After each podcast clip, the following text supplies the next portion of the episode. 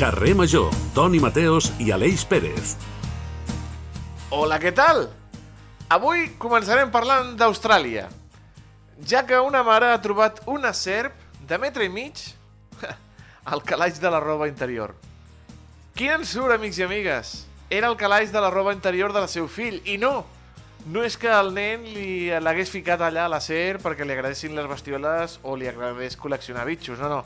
Resulta que la mare estava recollint la roba estesa i la serp es va colar entre els calçotets del nen. Molts han estranyat de que no notés la serp el seu pes, però la dona diu que no, no, no ho va notar. I allí la va trobar a la serp a l'obrir una estona després al calaix per ficar-hi més roba. La dona va trucar al Fran de la Jungla d'Austràlia, que es diu Mark Pelly, de Snake Hunter, el caçador de serps, que només veure la serp es va ficar les mans al cap al descobrir que era una serp marró oriental, la segona serp més verinosa del món. Una picada i en dos minuts, pim-pam-pum, cadàver. És una serp violenta, nerviosa i mortal. Però aquell dia, ves per on estava tranquil·leta entre els calçotets de Spiderman i de la patrulla canina. Aleix Pérez, què és el més estrany que tu has trobat tu en el calaix de la roba interior, estimat? Bona tarda, Toni Mateos. Eh, bé, jo tampoc no m'he trobat massa coses estranyes. Potser el més estrany ha sigut un, un parell d'aranyes, d'allò que trobes un, una aranya amb, amb, allà al, al, a la cantonadeta del, del calaix. Jo no he, trobat, no he trobat en general coses rares. El que sí que tinc és una bona amiga de la universitat que tenia com un calaix que era un calaix exclusiu per menjar perquè vivia com en una casa amb diferents pisos i això, i deia, jo, en comptes de baixar fins a baix, que quan em fa pal i això, jo m'agafo tot el menjar, me'l pujo al calaix aquest, i així quan tinc gana no he de baixar de l'habitació. Coses més estranyes, quins Ja, amics més no. raros que tens, no? Sí, bueno, la universitat és una època fosca. No? Convulsa. Sí, convulsa, exacte. De precarietat, diria, inclús. El que no és precari, ja ho saben, amics i amigues, és eh, els que fem possible al carrer Major cada dia, ja ho saben. Qui som?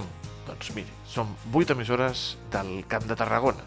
Miri, som eh, l'Aleix, la Iris, l'Anna, la Cristina, el Pau, l'Adrià, la Gemma, el David, el Jonai, l'Antonio, el Toni, que sóc jo, i el nostre tècnic, el Diago Moreno. Som els que fem possible que cada tarda s'obri el calaix de la màgia i d'allà surtin les vuit emissores del Camp de Tarragona que els hi acosten al carrer Major. Benvinguts a la ràdio en directe. Benvinguts a carrer Major. Carrer Major, el primer programa del Camp de Tarragona. És dimecres a l'Eix i saps el que toca els dimecres, no? Crec que sé que on vas, però m'agrada que ho diguis, m'agrada que ho surti per la teva boca, Toni Mateu. Doncs ja hi ha un nou capítol del podcast de veïns del company de Radio Ciutat de Tarragona, l'Adrià Requesens. Home, Si et sembla, anem amb una pinzelladeta per descobrir qui és el nou protagonista del podcast.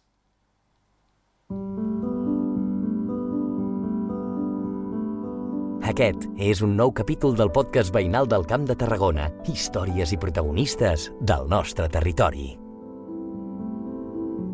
Els missatges socials i la pintura són dues paraules claus en el protagonista d'aquesta setmana del podcast de veïns.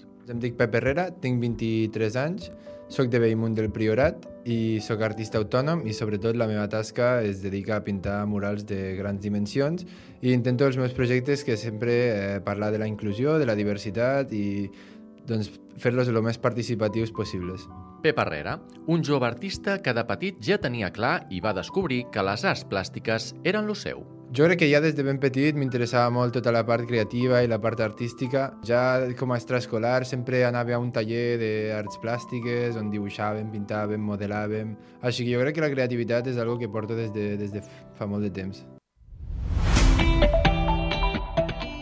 Històries, vides, trajectòries, anècdotes. Els nostres barris, carrers, places, municipis, pobles i ciutats compten amb un grapat de veïns i veïnes rellevants per una cosa o altra.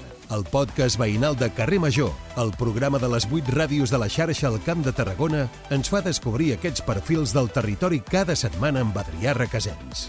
No et perdis cada capítol a rctgn.cat. Podcast de veïns.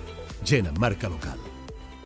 Doncs el Pep Herrera és el jove artista de Bellmunt del Priorat que ha pintat murals de grans dimensions per tot el món. Amb ell coneixerem la vessant social de la seva tasca, trencant estigma, estigma sobre l'art urbà i el llenguatge de les seves creacions. Poden escoltar-lo sencer a radiociutatdetarragona.cat, rctgn.cat, als twitters de les 8 emissores del programa i, com no, a la plataforma Xarxa Més.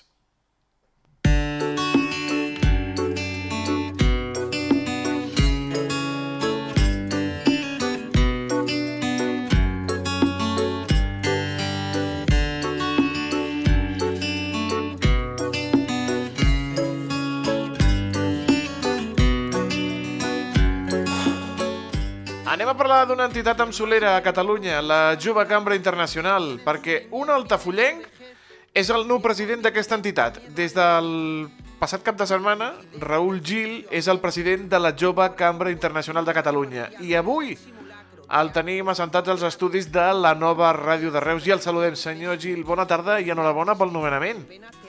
Bona tarda, moltes gràcies. Per qui no us conegui, qui sou la gent de la Jove Cambra Internacional? La gent de la Jove Cambra Internacional uh, som joves, joves que, que som una miqueta inquiets. Eh, diríem que hi poden haver joves líders, eh, joves emprenedors, però no el que s'entén com a líder o emprenedor en el sentit de tenir la teva pròpia empresa, sinó gent inquieta que li agrada fer coses. Li agrada anar una miqueta més enllà, li agrada uh, innovar, li agrada dirigir projectes i li agrada tenir idees, sobretot. És una entitat més que centenària al món, la Jove Cambra Internacional, però aquí a Catalunya és joveneta, des dels anys 70, no, senyor Gil? Uh, sí, gairebé, gairebé farem 60 anys. 60 anys de la presència de la Jove Cambra a Catalunya. La història és una miqueta més complicada, perquè al principi no va començar anomenant-se així, eh, però, però, però sí, al final eh, fa doncs, 60 anys que estem voltant per aquí i, i la veritat és que ens omple d'orgull. No? Uh, la Jove Cambra és una entitat uh, que, com bé has dit, comença a nivell mundial, està en més de 100 països i té més de 100 anys d'història i, i al final doncs, el que vol és aplegar la, eh, ser la xarxa de, de joves actius més gran de tot el món. No? Per tant, podríem dir que aquests són algun dels seus principals objectius. També entenc que és molt important arribar a la fita aquesta, però també el com. Evidentment. Eh, de fet, nosaltres bueno, sempre, sempre estem innovant, mirant eh, què li pot interessar al jovent, què li pot interessar a la societat, sempre per mirar de millorar, per mirar d'anar- més enllà i de crear un món millor. No? Um, la Jove Cambra es sustenta en quatre pilars, un d'ells és el tema de la comunitat, treballar per la comunitat, per millorar-la. Uh, per tant, doncs, tenim aquestes joves cambres locals ubicades en diferents ciutats. Després tenim l'àmbit de la formació, formar els membres, formar la gent en tot allò que no pots trobar a la universitat o que no pots trobar en l'ensenyament reglat. Després tenim l'àmbit de, de, de l'emprenedoria, doncs també hi ha cabuda per, per emprenedors, per creació d'empreses, per fer una mica de networking, també. I després també hi ha l'àmbit internacional, doncs al final, com que és una entitat internacional que està en molts països, doncs, doncs eh, es fomenta la col·laboració entre països, el fet de, de poder fer projectes comuns, eh, de poder viatjar, conèixer gent, gent de tot arreu, és una xarxa molt gran. I quan coneixes algú eh, de dintre és igual al, al país que viatgis, que tots són de la mateixa família. Convertim els líders d'avui en els herois del demà. És el, el seu eslògan, no, senyor Gil? Sí, Com ho volen és el- aconseguir? és el d'enguany i, i bé, al final això és un treball que fem dia a dia, no? Uh, a través dels projectes que fem dintre de l'entitat, doncs el que volem és que, és que aquesta gent que és, que, és, que és líder o aquesta gent que té aquesta espinata dintre, dintre seu de voler fer més cosetes o de voler canviar alguna cosa, doncs els, els hi donem totes les eines dintre de Jove Cambra perquè ho puguin dur a terme, els hi donem els recursos, l'acompanyament, eh, l'equip de treball, els contactes, perquè puguin, puguin fer aquests projectes i, i convertir-se en aquests herois no? de, del futur, els que al final doncs, estaran aquí canviant, canviant el món o fent-lo millor. L'objectiu, com ha dit vostè, és fer créixer aquestes quatre pilars, aquestes quatre àrees bàsiques, la formació, l'emprenedoria, la internacionalitat. Com ho volen aconseguir? Com, com s'ho faran des, de, des del seu mandat, senyor Gil? Uh, doncs mira, eh, de fet, tenim projectes per cadascuna de les àrees. No? Al final, la, la jove cambra eh, bueno, tenim aquests quatre pilars, fem projectes d'aquestes quatre àrees que al final també van lligats amb els objectius de desenvolupament sostenible, perquè recordem que la Jove Cambra doncs, també és membre fundadora de, de, de l'òrgan de la ONU i per tant doncs, som l'única entitat que tenim el logo de la ONU dintre del no, nostre logo i llavors sempre treballem no, per, per aquests objectius, per la sostenibilitat eh, i els implementem en tots els nostres programes. No? Llavors, dintre de les quatre àrees doncs, tenim diferents programes. Per exemple, dintre de l'àrea de formació, doncs, en aquest mes d'abril organitzarem una acadèmia catalana, que li diem, que és tot un cap de setmana de formacions doncs, per aprendre doncs, a, a ser un bon líder, a treballar en equip, a, a poder defensar el teu projecte, etc. Després, eh, dintre de l'àrea d'emprenedoria, doncs organitzem també els premis CIE, que els diem, que és el Creative Young Entrepreneurs, que són uns premis doncs, a projectes emprenedors que s'hagin dut a terme fa poc, en què els ajudarem a, a fer-los créixer aquests projectes i a més a que puguin eh, optar en un premi a nivell nacional. Si eh, bueno, el guanyador d'aquest premi, de, de, que defensi el seu projecte i, i sigui un projecte bo, Uh, tindrà com a premi també poder anar a la conferència europea que es farà el mes de juny a Finlàndia de la Jove Cambra Internacional i poder defensar el seu projecte allà davant d'un munt de, de, de, de gent d'arreu del món, de, de gent que té les seves pròpies empreses, on poden fer networking també, no? i també de professionals que, que saben com eh, jutjar aquest tipus sí. d'empreses, i després, si guanyessin a nivell europeu, se n'aniria sí. a nivell mundial. I, a més, també, que al final, eh, que no sé si està d'acord amb mi, però al final el col·lectiu dels joves també és bastant castigat no? amb el context actual. També és important doncs, que puguin trobar un camí i una manera també de, de poder doncs, doncs expressar-se lliurement i també prendre aquesta iniciativa. No? Correcte, al final nosaltres li, els hi donem les eines perquè ho puguin dur a terme. També organitzem, per exemple, eh, concursos de debat, concursos d'oratòria i, i formar les formacions corresponents perquè aprenguin també a, a tenir la seva pròpia veu i a defensar les seves pròpies idees. Llavors, doncs, doncs eh, intentem una miqueta donar-los les eines, formar-los, no? sobretot també en, en creixement personal, però en el sentit d'aprendre coses que després tu te pots endur cap a la teva pròpia feina, al teu món laboral o, o a la teva vida personal i aplicar aquests coneixements allà. Un dels projectes estrella, senyor Gil, és la construcció d'una escola a Gàmbia per part de Correcte. Jove Cambra, no? Veig que aneu ben informats. Sí. Correcte. Això és, eh, és un projecte que està dintre de, de l'àrea de comunitat no? I, que, i que ve ideat des de la jove cambra de Reus, que mira, els tinc just aquí al costat ara mateix que, que sóc aquí, eh, i, i pel seu president, el Jordi Cervera, doncs, que, que és una màquina, i que el que volen, doncs, al final treballar perquè, bé, la jove cambra sigui present arreu del món, però també per, per ajudar aquelles comunitats que estan més necessitades. No? Llavors la idea és, eh, de moment, doncs, en recaptar aquests diners, ja s'ha anat a, a investigar, s'ha trobat un lloc que n'hi ha a Gàmbia, una escola que estava doncs, gairebé destrossada, que els alumnes doncs, no hi podien fer classe en condicions, acabaven deixant les escoles, eh, acabaven deixant els estudis, tampoc tenien una alimentació correcta, i s'ha trobat que allí a l'escola hi ha un petit edifici que també es podria reformar i convertir-se en una cuina perquè tots tinguessin accés a una dieta almenys una mica més saludable, reformar un camp de futbol perquè també doncs, puguin eh, realitzar esport i també doncs, mentalment això els, els ajudi. I al final crear un espai entre l'escola, el camp i la cuina on tots els joves de, de, de Gàmbia puguin tenir un punt de trobada, un punt de formació, d'educació i que després puguin tenir un futur millor i també eh, al final tots aquests projectes entenc que ho comentaves abans de començar l'entrevista també però a vegades també eh, ha, de, ha de pagar no? la gent que vol participar-hi sí. és, més, és més una feina també voluntària no? també de, de la iniciativa d'aquest voler ajudar en comptes de potser esperar un retorn econòmic Exacte, al final no deixem de ser una organització sense ànim de lucre i llavors doncs no, no, no ens lucrem amb el que fem, sinó que tots som voluntaris, ho fem tot amb el nostre temps lliure, eh, amb les hores i el temps que hi puguem dedicar i de bona fe i, i clar, passa molt sovint no? que organitzem doncs, doncs, uh, un programa, per exemple el que deia l'Acadèmia aquesta catalana sí que intentem uh, intentar tenir doncs, eh, contactes perquè no sé, ens puguin cedir l'espai i que al final no surti tan, tan car tot plegat, però sí que és veritat que, que al final doncs, hi ha una part que s'ha de pagar i els membres ho paguen perquè al final doncs, això, tot això té un retorn cap a tu, cap a la teva vida, cap a la teva formació i cap a tot que, que, que, ho, vols, que ho vols fer. Ho vols fer. Intentem que sigui el més reduït possible, però clar, és inevitable. El senyor Gil és eh, president de la Jove Càmera Internacional de Catalunya des del passat dissabte, dia 27, Sí. i ha agafat el relleu de la Georgina Matamoros, escollida vicepresidenta de Jove Cambra Mundial. Ojo, Correcte. ojo, que el llistó està molt alt, senyor Gil. Eh, Déu-n'hi-do, déu nhi déu la, la, Georgina, la Georgina també és, eh, és una crac, és, és, té molta empenta i, i tot allò que es proposa ho aconsegueix. I, i bé, doncs jo estic molt content de, de poder ser el seu relleu, uh, de poder-la tenir com a, com, a, com a precedent, com a mentora, com a, també com a figura aquí, aquí, aquí mirar. Eh, amb ella hi ha molts més membres que estan dintre de l'entitat que han passat per, pel seu lloc abans que ella i que també són, són molt grans. No?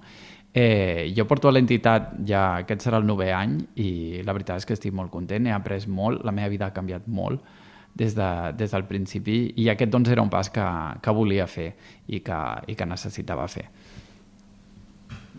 També no sé ben bé com va anar aquesta, aquesta presa de possessió i a més també que va comptar amb, amb dos vicepresidents mundials de, de l'entitat, a part entenc de mm. Georgina Matamoros. A part de la Georgina, també eh, nosaltres, com a, com a país, la Jove Cambra de Catalunya, al final està àmbit nacional com, com un país més, eh, doncs eh, els, els països tenim un vicepresident internacional de, de la Jove Cambra Internacional assignat, el qual doncs, ens ajuda, ens orienta, és el punt de connexió amb la JCI Mundial i, i, i ens ajuda una mica a créixer. Eh, I llavors doncs, va venir la que tenim assignada nosaltres aquest any, que no és la Georgina, perquè normalment no t'assignen a la, a la Georgina no li assignen al seu propi país, sinó li assignen un altre per, per posar-li també aquest repte. Eh, I la que tenim nosaltres assignada és l'Emory White, que és una noia que és australiana. Llavors, doncs, va venir des d'Austràlia, va ser tot un honor que, que hi pogués ser en la meva presa de possessió del càrrec, que al final eh, és una mica graciosa aquesta presa de possessió del càrrec, per així dir-ho, perquè el que fem és que pas presidents nacionals, gent que ha passat per, per, per aquesta posició en anys anteriors i que ja estan doncs, una mica retirats a l'entitat, eh, passen la, el collar de la cadenes um, on hi ha totes les plaques amb tots els noms dels antics presidents i clar, nosaltres doncs, tenim 60 plaques amb els noms de tots els presidents que hi ha hagut tots aquests anys i li passen de la Georgina i me'l posen a mi i llavors sents el pes de la presidència com et cau al damunt, no? Literalment. Literalment. Un cop ja amb aquesta cadena, amb 60 plaques, eh, ara es posaran a treballar. Com, com s'ha envoltat el senyor Gil per tirar endavant el, el seu mandat? De qui s'ha envoltat i, i com començarà després de- d'aquest passat cap de setmana? Ara toca posar-se a la feina.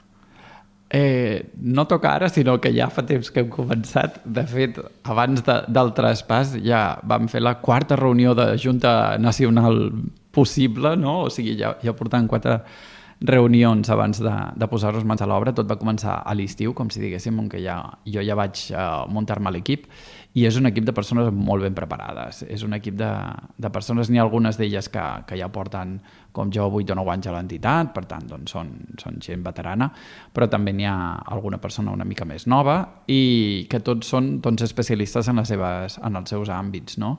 I, que, i que fan molt bé la feina. Eh, tenim, per exemple, l'Àlex Riba, que és un, un, un periodista col·laborador també eh, de, de, de vosaltres i que, i que fa molt bé la feina de comunicació. Tenim... eh, L'hem tingut a Fitur. Aquest, aquest, est- L'heu tingut a- al Fitur, Aquests correcte. dies ha estat a Fitur. Doncs ell és membre de Jove Cambra i està dintre de la meva Junta Nacional. Doncs mirin, uh, els líders de l'avui, els herois del demà, amb aquest eslògan de Jove Cambra Internacional, volem donar les gràcies al seu nou president i al seu flamant president, el Raül Gil, que ens ha acompanyat aquesta tarda aquí al carrer Major. Eh, molta sort, molts encerts en el seu mandat i ja sap, eh, el carrer Major també és casa seva. Moltes gràcies a vosaltres. Una abraçada. Estàs escoltant Carrer Major.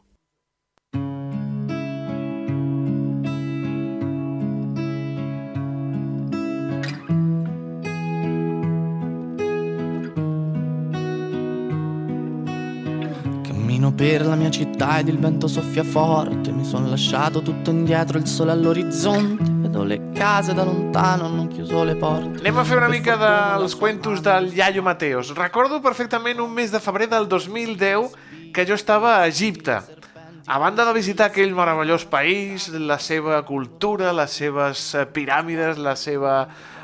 Bueno, em queda al cap que el país, Egipte, va quedar aturat durant unes hores ja que es disputava la gran final de la Copa Àfrica que enfrontava a Egipte contra Ghana. Va guanyar Egipte i Egipte va embogir. Per parlar d'això, d'aquest esdeveniment esportiu al continent veí, tenim el nostre estimat Mohamed Said Badawi al Marroc i parlarem amb ell avui de futbol. Mohamed, bona tarda. Hola, bona tarda. Què tal, com estem? Naltros molt bé. Nal... Tu no sé, sí. perquè ahir va jugar al Marroc i, amic sí. meu, ai, ai, ai, ai, no hi va haver sort. Malauradament és així. Eh, no hem tingut sort i bueno, el Marroc va perdre ahir els vuitens eh, de, de final de la Copa d'Àfrica i hem quedat eh, eliminats. Va ser un partit, la veritat és que al final del partit la gent doncs, estava una mica decepcionada no? perquè el Marroc doncs, partia com a gran favorit després del gran paper que va fer al Mundial no?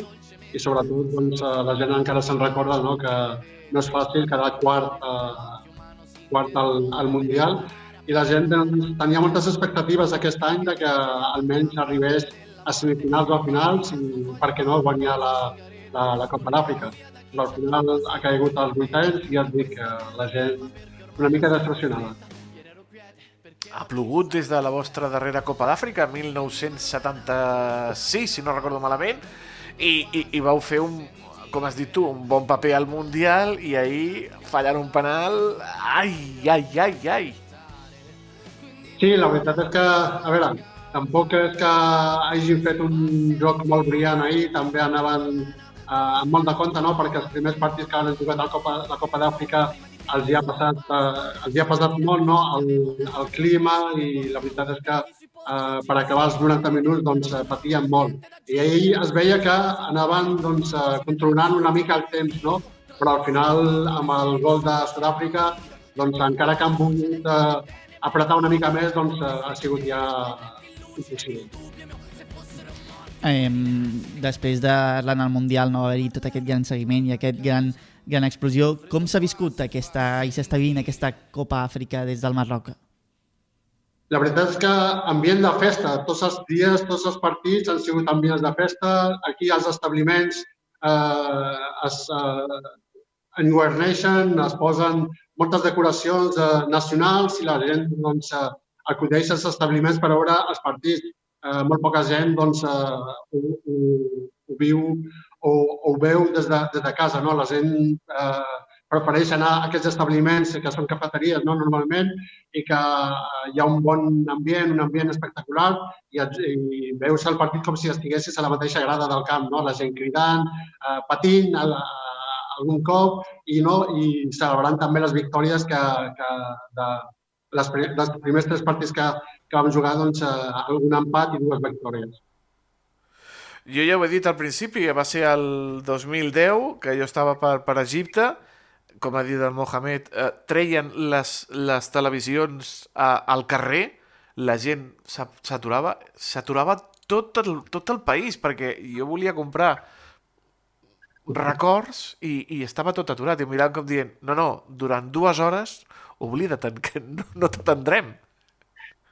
Sí, no, a veure, el tema del futbol, la veritat és que uneix a tot el, a tot el país. El tema del futbol, des de sempre, doncs, ha unit el, el país i ja et dic, després del bon paper que va fer la selecció al Mundial, doncs, aquest any semblava que la gent doncs, estava molt més implicada i molt més doncs, amb desig de que el Marroc doncs, arribés a la final i per què no doncs, guanyar aquesta final. Ara no et perdis que l'any que ve la Copa d'Àfrica es juga al Marroc. Així que tornem a tenir una pressió més per, com a locals, doncs, intentar guanyar la Copa d'Àfrica. O sigui que esperem que la decepció d'aquest any doncs, no sigui la mateixa l'any vinent. Es juga, es juga cada any la Copa Àfrica? Sí, Uh -huh. Bueno, i l'any que ve, doncs, 76, juguen, juguen- l'any que ve doncs, la juguen aquí al Marroc. La juga al Marroc. A veure, a veure si ja us l'emporteu, que seria el, el segon títol no? de, del Marroc, de, de la Copa Àfrica. Eh, mm, tot i que sou veïns, imagino que també hi ha rivalitat amb d'altres països africans. Aquí sempre diem, ai, Portugal, però quan ens toca enfrontar-nos contra Portugal, bueno, o, o dius tu, ai, els francesos, ai, els francesos, ai, els italians, a veure si els guanyem. Allà també passa el mateix a l'Àfrica?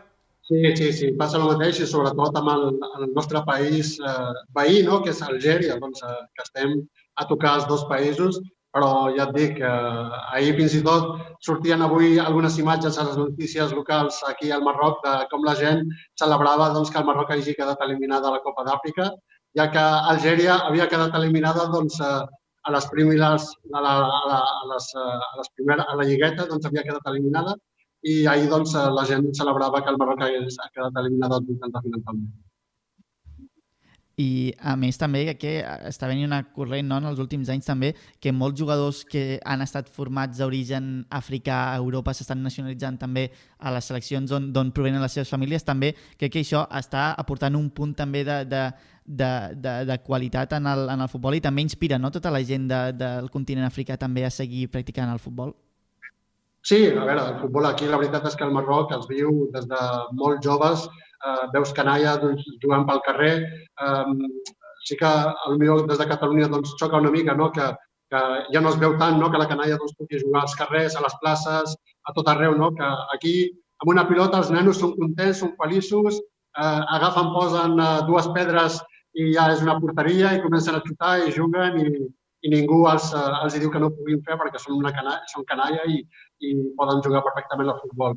Eh, el que has comentat, sí que és veritat que la selecció del Marroc, doncs, eh, eh, aquest any, últimament els últims anys, doncs, eh, la gran majoria dels, de joves que ha seleccionat el sele- seleccionador doncs, són gent ja formada, ja, bueno, són gent que ha nascut a Europa i s'ha format a Europa i ha jugat i estan jugant en grans equips. No? Ara mateix la selecció doncs, venien jugadors que han jugat a, eh, estan en equips doncs, a Espanya, a Holanda, a França, a Regne Unit. O sigui, és una molt bona selecció, però al final el futbol és així.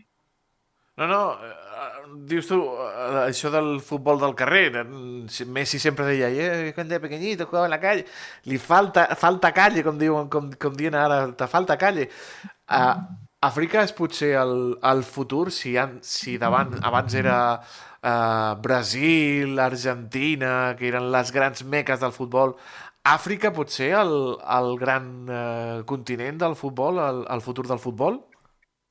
Home, sense cap dubte, jo crec que, eh, encara que no sigui el futur del, de, del, del, del futbol, el que sí que et puc assegurar és que aquí la gent eh, gaudeix jugant a futbol des de molt petits. O sigui, ja et dic, et trobes canalla de 7, 8 anys jugant al carrer, tallant al carrer, jugant a futbol a qualsevol hora del dia i això, doncs, eh, veus que a les seves cares eh, eh, la felicitat no? de tenir una pilota i poder-la xutar i marcar un gol i, i passar una estona jugant amb els companys al carrer.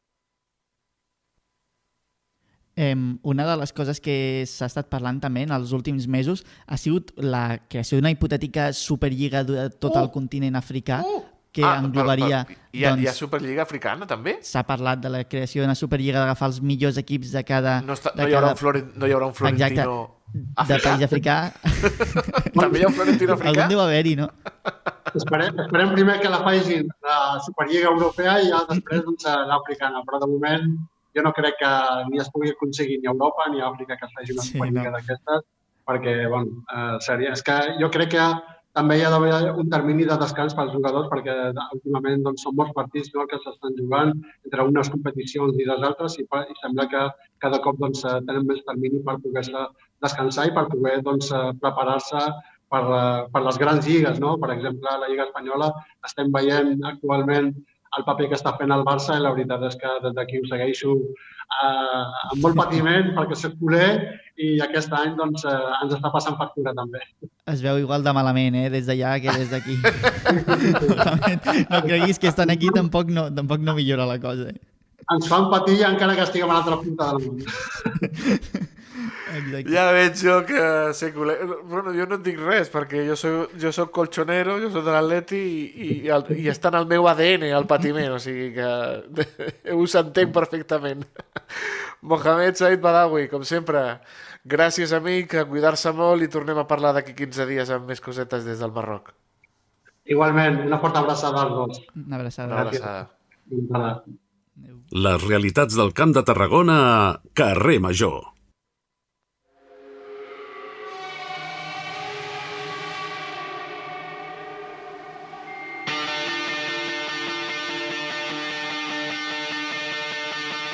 This is how it starts. Daisies are in the back of my van. You share my shirt, looks so good. When it's just hanging off your back. I puntual a la seva cita, Eh. l'he fet el crit, i a la taula hi ha al llit el primer crit, i li he cridat i s'ha assegut aquí als estudis de, de, la, de la Ràdio La Selva. Antoni Mellado, Bona tarda, Toni Mateos. com estàs? Espectacular, com sempre, amb moltes ganes d'afrontar una nova secció dels Tonis. Ui, avui, avui Aleix... Polèmica, Avui eh? crec- Polèmica. Ho he estat llegint per damunt polèmica. i crec que trepitjarem eh, vessals, vessals molt, molt, molta fundària, crec. eh. Bueno, mira, és que anem a parlar que l'excapità del Celta de Vigo i actual jugador del Internacional de Porto Alegre, Hugo Mayo, se l'està investigant per la presumpta comissió d'un delicte d'un abús sexual l'any 2019 a l'estadi de Cornellà, tan sols uns instants abans de que comencés el partit entre l'Espanyol i el Celta de Vigo, que era el seu equip. Els fets haurien passat ja sobre la gespa i davant del públic durant l'habitual salutació entre els dos equips, amb els de l'Espanyol en fila i els del Celta passant davant d'ells i en Mallo en primer lloc com a capità. Arriba el moment. Quan Hugo Mayo va arribar a l'alçada, a l'altura de les mascotes, el periquito mascle li va donar la mà, com es fa habitualment. Però quan va arribar a la periquita femella, Hugo Mayo va introduir les mans sota la disfressa i li va fer tocaments als pits de la noia que anava disfressada de periquita. La noia va denunciar-ho davant dels Mossos d'Esquadra. Segons la declarant, li va agafar els pits amb les mans i va començar a fer moviments. Estem davant d'un presumpte abús sexual fet per aquest jugador de futbol a una noia que feia doncs, de mascota de l'Espanyol disfressada de periquito.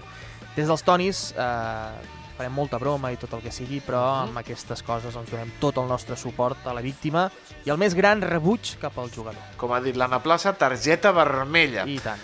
I fer-ho davant de tanta gent, a la vista de, de molts, vaja. Tenim trucades ja de, de direcció. No, no, no. No. Que, ah, ah. Fer-ho davant de la gent, a la vista de molts, ens ha fet pensar, i ha fet pensar alguns, que Hugo Mayo potser pateix la ursusagalamatofol... ursusagalamatofília. Ara m'ha sortit. Una parafília que pateix la gent que s'excita veient a gent disfressada d'animals i que vol practicar sexe amb ells. Ara se li diuen furros. El, fi, Sí, el furros. efectivament. Furros, efectivament. en el món gent- d'internet. Els mil... Exacte. Sí, sí. De la generació Z els hi diem, els hi diem furros. Furros. Sí. Sí. Les Teniu fílies... nom, teniu nom per tot, eh? Exacte, sí. I d'altres, ursusagalamatofília. Nom de Pokémon. Toni, abraça la generació Z. Uh, les fílies fan referència a aquestes coses per les quals sentim gust dins de qualsevol àmbit de la nostra vida, és a dir, que no té per què estar íntimament relacionat amb la sexualitat. En l'altre costat trobem les parafílies, que són patrons de comportaments sexuals en el qual la font predominant de plaer no es troba en el coit, sinó en una altra activitat. El problema de les parafílies és que algunes d'elles són considerades un trastorn en produir malestar, mal o patiment a altres persones i per això sol existir un cert estigma o cert tabú cap a amb elles. Són les que ara s'anomenen fílies sexuals. Existeixen fílies sexuals que, sempre que es practiquin amb consentiment, no fan mal a ningú. Avui us portem una llista de les més curioses, els noms més estranys i també algunes de les més comunes en la població. Ho farem de manera uh, alfabètica, així que comencem per la Lactiràcia és l'excitació sexual produïda pels raigs del sol. Alerta. és a dir, per l'exposició a la llum solar. Segur que més d'un opta per desplaçar-se a les platges espanyoles per poder gaudir d'aquest ple. Doncs tenir plaer prenent el sol. Agal... Agalmatofília. Apa. Aquesta filia la tenen els qui senten desig sexual cap a representacions humanes inertes. És a dir, estàtues, els ninots o els maniquins. És a dir, que es posen davant d'un aparador del Zara i alerta amb això. Posen, o se'n van a un museu i pateixen a, a banda del, del, del síndrome de Stendhal, pues, vés a saber. Museus o botigues de roba, com hem dit, són llocs idonis per deixar volar la teva imaginació amb la agalmatofília. Seguim amb l'amomàxia. És l'excitació sexual en mantenir relacions sexuals en un cotxe aparcat. És el vídeo, Hi ha el moltes vídeo aquell pers- de, de, sí. Aquell de Què deies, què deies, Aleix? Aquell, hi, havia, hi havia un vídeo de mi extraña adicción que és un dels Ah, programes sí, l'home que mítics de la tenia meva relacions infància. amb el cotxe. Exacte, amb el cotxe. sigui, però aquí però- és però- dins d'un cotxe. Sí, Ah, en un dins, cotxe val, aparcat. val. No amb el cotxe. Val, val. No, no, no, exacte, amb un cotxe aparcat. Hi ha moltes persones a les quals doncs, això els provoca plaer, el simple fet no, de trobar-se en un lloc on poden ser vistes per altres persones. Aquest risc, doncs, això, com dèiem, els provoca una excitació extra. La capnolàgnia. Ui, Mare meva. capnolàgnia és els que tenen aquesta filia experimenten excitació amb el fum i amb la cendra provocada pel tabac. Uf, mare meva. Jo no sóc cap no làcnic. Ah, sí, o sigui, que Res. si veuen un cendrer... Brrr, si fumes, potser et trobes... Eh, et, et vas trobar algun tipus de relació eh, d'aquest tipus al llarg de la teva vida. De la teva vida. Seguim amb la dendrofília. Es descriu com l'atracció sexual cap als arbres i a les plantes, Sí, és cert. incloent-hi el seu ús també com a objectes sexuals. Per saber si t'agrada, doncs, eh, pots començar provant de tenir sexe en jardins o boscos. Eh, o abraçar un arbre. Ai, També. sí. Tenir-li El pitjor d'aquesta molta... secció... Perdona. Digues, Aleix. No, que el pitjor d'aquesta secció és que et fa volar la imaginació i no vols, no vols. És, és molt dur.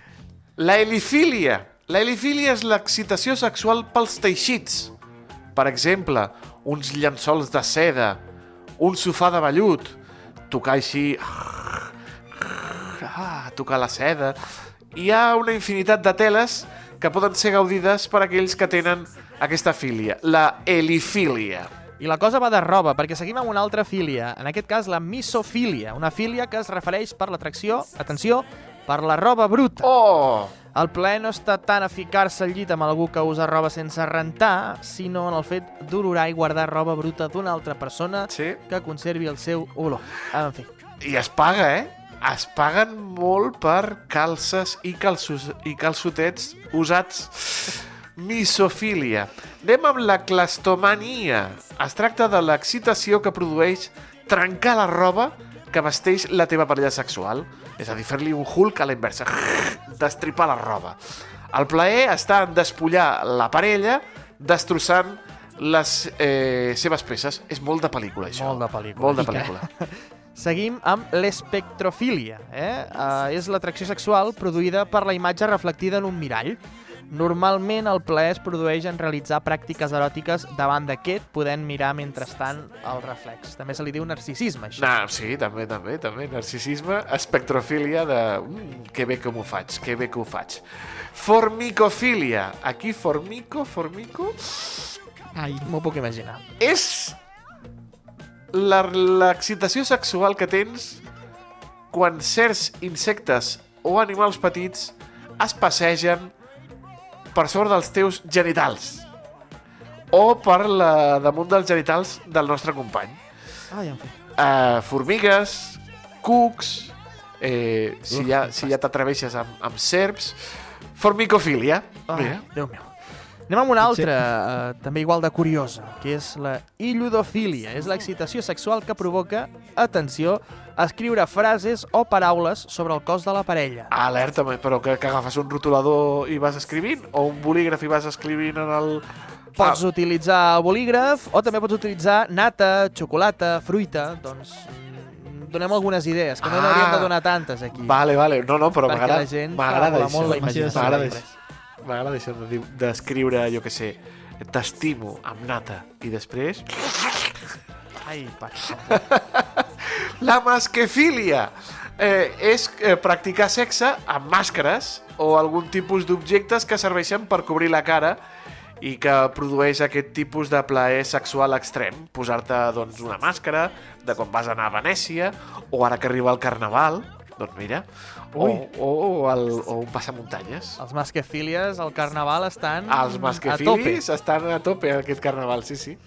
Com també ho estan eh, els parcialistes, eh, que Sí. venen del parcialisme, no? que fa referència a l'excitació sexual d'una part concreta del cos que no té a veure amb els genitals. Per exemple, peus i mans no Oh, és sí, allò sí, dels sí, més sí, comuns. sí. Molta gent es veu que s'ha fet d'or venint fotos dels seus peus per Fetichisme, certa xarxa, doncs xarxa social.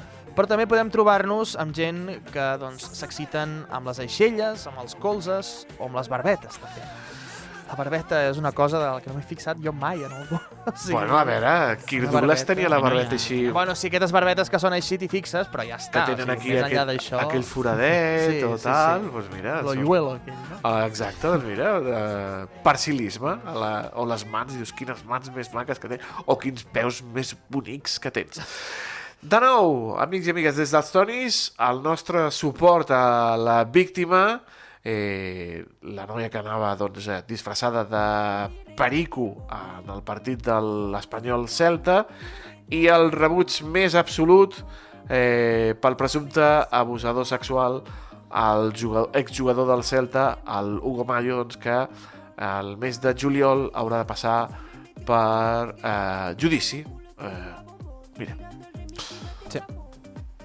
Què t'han semblat la llista de les fílies, parafílies sexuals? Aleix? A veure, n'hi ha alguns que més o menys te'ls puc arribar a comprar, n'hi ha d'altres que dius, home...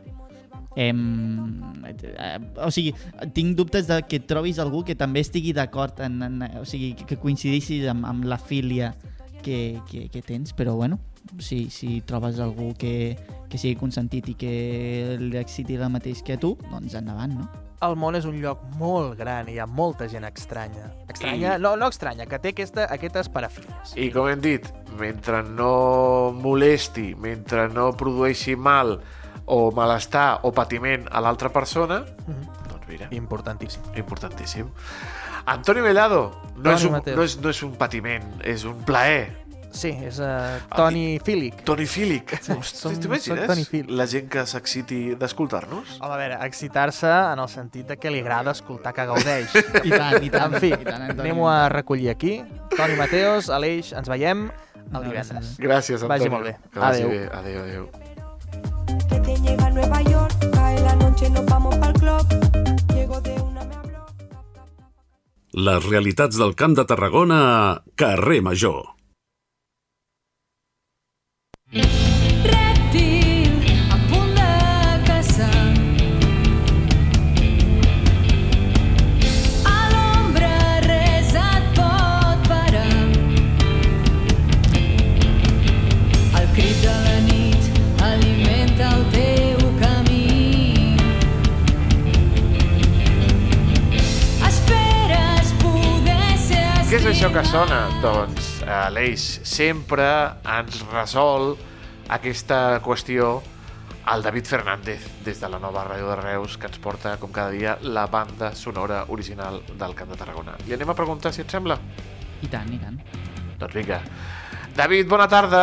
Hola Toni, hola Aleix, molt bona tarda. Avui hem, ens hem quedat a la ciutat de Reus per escollir una formació que té la seva base operativa a la capital del Baix Camp. Es tracta d'una de les bandes de metall més antigues que ara mateix tenim en actiu al Camp de Tarragona. Són els Immunere, una gent que ens hem d'anar uns quants anys enrere, el 2013, per tal de trobar el seu primer treball discogràfic, que es deia Un dia perfecte per morir, encara que abans d'aquella data doncs, hi havien fet també diverses maquetes i diversos treballs. Des de llavors havien estat bastant inactius, però ara, des de fa un parell d'anys, van canviar el cantant, ara trobem una veu femenina al capdavant, com podeu escoltar, i doncs, això ha servit per revitalitzar la formació i també per enregistrar noves composicions. De fet, el 2022 ens estrenaven La teva mirada i Dona de foc i ara han encetat el 2023 amb aquesta peça que es diu Rèptil, una peça que van estrenar doncs, el passat dia 25 de gener. Una formació, com diem, que no para quieta, que de fet us podeu, treu, us podeu trobar en algun bolo al Camp de Tarragona o més enllà, i que segueix doncs, amb la seva proposta de metal melòdic cantat en català. Avui, doncs, els Immunere, aquesta formació reusenca, són la banda sonora del dia del carrer Major. Però t'has adonat que res t'omple del tot.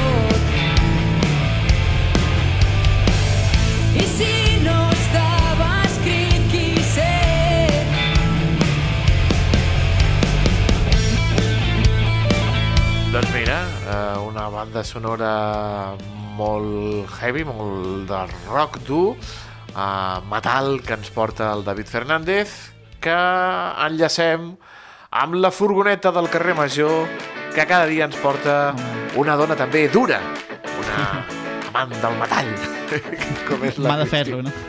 Mà de ferro, sí.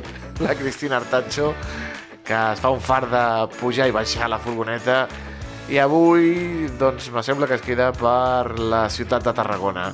Anem a parlar amb ella. Cristina Artacho, molt bona tarda. Bona tarda,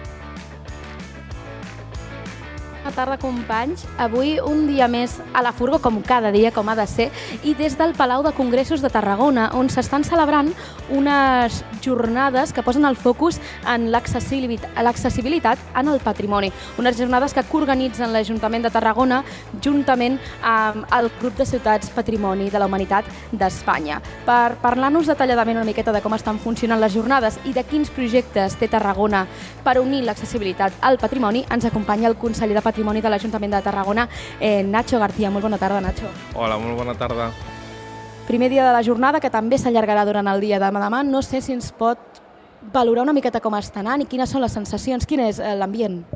Bé, doncs una primera jornada que ha estat molt intensa. Eh? Hem començat a les 9.30 amb la inauguració, hem fet el dinar i encara doncs, continuen aquestes jornades que, que s'allargaran fins, a, fins a gairebé la, la nit i una valoració molt positiva. Jo crec que, doncs, que Tarragona organitza aquestes jornades en el marc del grup Ciudades Patrimoni, que vinguin companys i companyes, no només regidors, sinó també tècnics de la resta de ciutats patrimoni d'Espanya, doncs sempre, sempre és un honor com a ciutat patrimoni que és Tarragona, doncs, de rebre'ls i de, de donar-los la possibilitat de conèixer la ciutat i també de formar-nos com a, com a regidors que, i regidores que som doncs, en un tema tan, tan complex i tan difícil com és l'accessibilitat en els monuments. No? Unes jornades que també han arrencat amb aquestes inscripcions completes. Sí, eh, un centenar aproximadament, més d'un centenar de persones, entre gent que ha vingut de les ciutats patrimoni, que tenim representants de totes les, les ciutats patrimoni de la humanitat de- d'Espanya, també tècnics municipals i membres de la societat en general, societat civil tarragonina, qui també els hi van fer arribar la, la inscripció.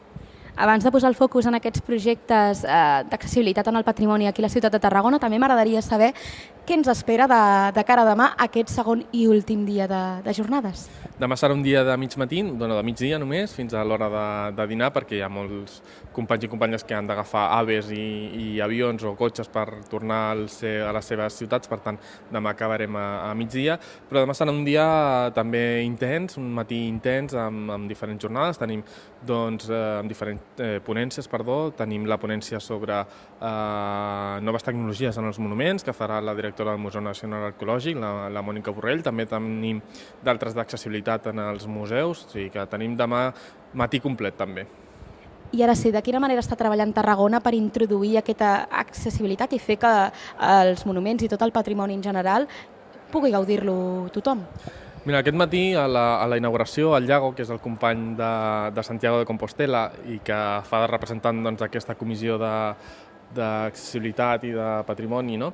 Uh, deia un tema, ell és, ell és regidor d'urbanisme i de patrimoni històric a la seva ciutat com ho soc jo i a vegades et trobes que encaixar l'urbanisme, l'accessibilitat que et marca les lleis amb el patrimoni que té molts anys d'història i que evidentment no el podem tocar i no el podem canviar com podríem canviar un carrer, doncs és, és molt, molt, molt, molt complex. No?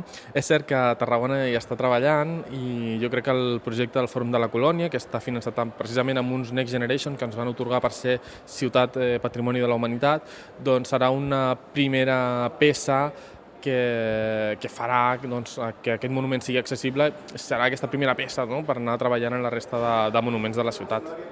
Fòrum de la Colònia, també em sembla que l'alcalde aquest matí a la inauguració ha comentat el projecte del Pretori, que potser no està tan avançat, però hi és.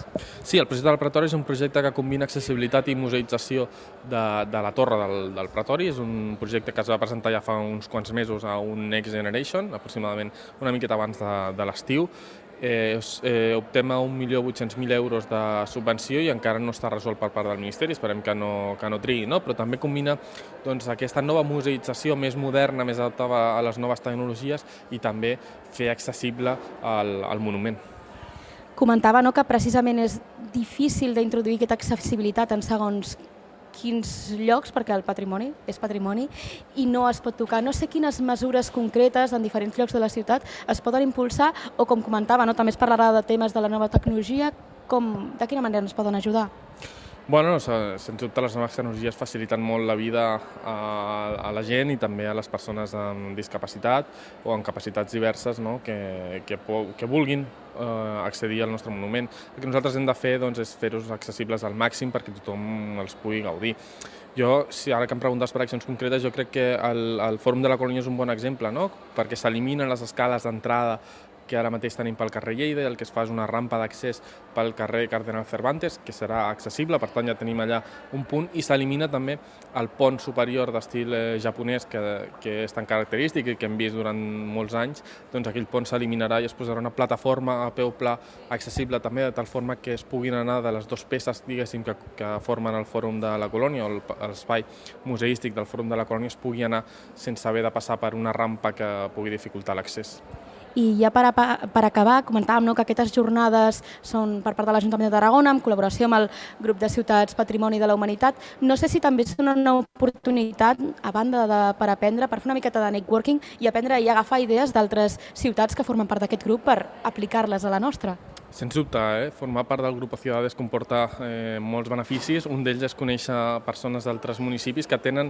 Ahir al sopar, per exemple, eh, ho comentàvem, no? Jo estava, estava sopant amb, amb el Llago de Santiago de Compostela, també amb companys de Còrdoba i de Segovia, i al final parlàvem i dèiem, hosti, tots tenim uns problemes eh, molt semblants a les nostres ciutats pel que fa al patrimoni i, i poder aprendre també de les perquè no tot ho fem bé ni tot ho fem malament, no? doncs aquesta idea de- d'aprendre de, de les experiències d'altres ciutats enriqueix molt. No? A l'estiu ja vam tenir una prova quan vam fer aquí l'assemblea del grup Ciudades Patrimoni amb tots els alcaldes que formen part de- d'aquest grup i ara doncs, amb aquestes jornades ho acabem de, de rematar i també amb la resta de jornades que es fan en altres eh, poblacions, no? perquè no, no tot es fa a Tarragona, evidentment, també a Còrdoba fa poc hi va haver unes altres jornades i continuaran havent. Doncs ja ho sabeu, aquestes jornades que estan tenint lloc aquí al Palau de Congressos de Tarragona durant el dia d'avui i el dia de demà que posen el focus en com fer més accessible eh, per tothom el patrimoni. Moltíssimes gràcies al conseller de Patrimoni de l'Ajuntament de Tarragona, el, el Nacho García, per atendre'ns i nosaltres ens veurem ben aviat a la propera furgó. Adeu! Adeu, Cristina, moltíssimes gràcies. Déu-n'hi-do, Aleix, quin programasso el d'avui, eh? Quin viatge, eh? És que passen tantes coses en, en les dues hores de programa de carrer Major que gairebé eh, no ets la mateixa persona que quan has començat el programa que quan l'acabes. No, no, hem escoltat a, que, a primera hora l'entrevista amb el Josep Bages, amb el senyor Josep Bages, les notícies, amb el nou president de la Jove Cambra Internacional de Catalunya, eh, hem anat amb el Mohamed, els Tonis i les fílies i les parafílies, la Cristina, la banda sonora... Tot això només passa aquí al carrer Major, a les 8 emissores del Camp de Tarragona i a la xarxa de comunicació local. Aleix, fins demà. Fins demà, Toni Mateos, un I a tots vostès, els esperem també demà, aquí, a carrer Major. Que vagi molt bé, cuidin-se. Adéu.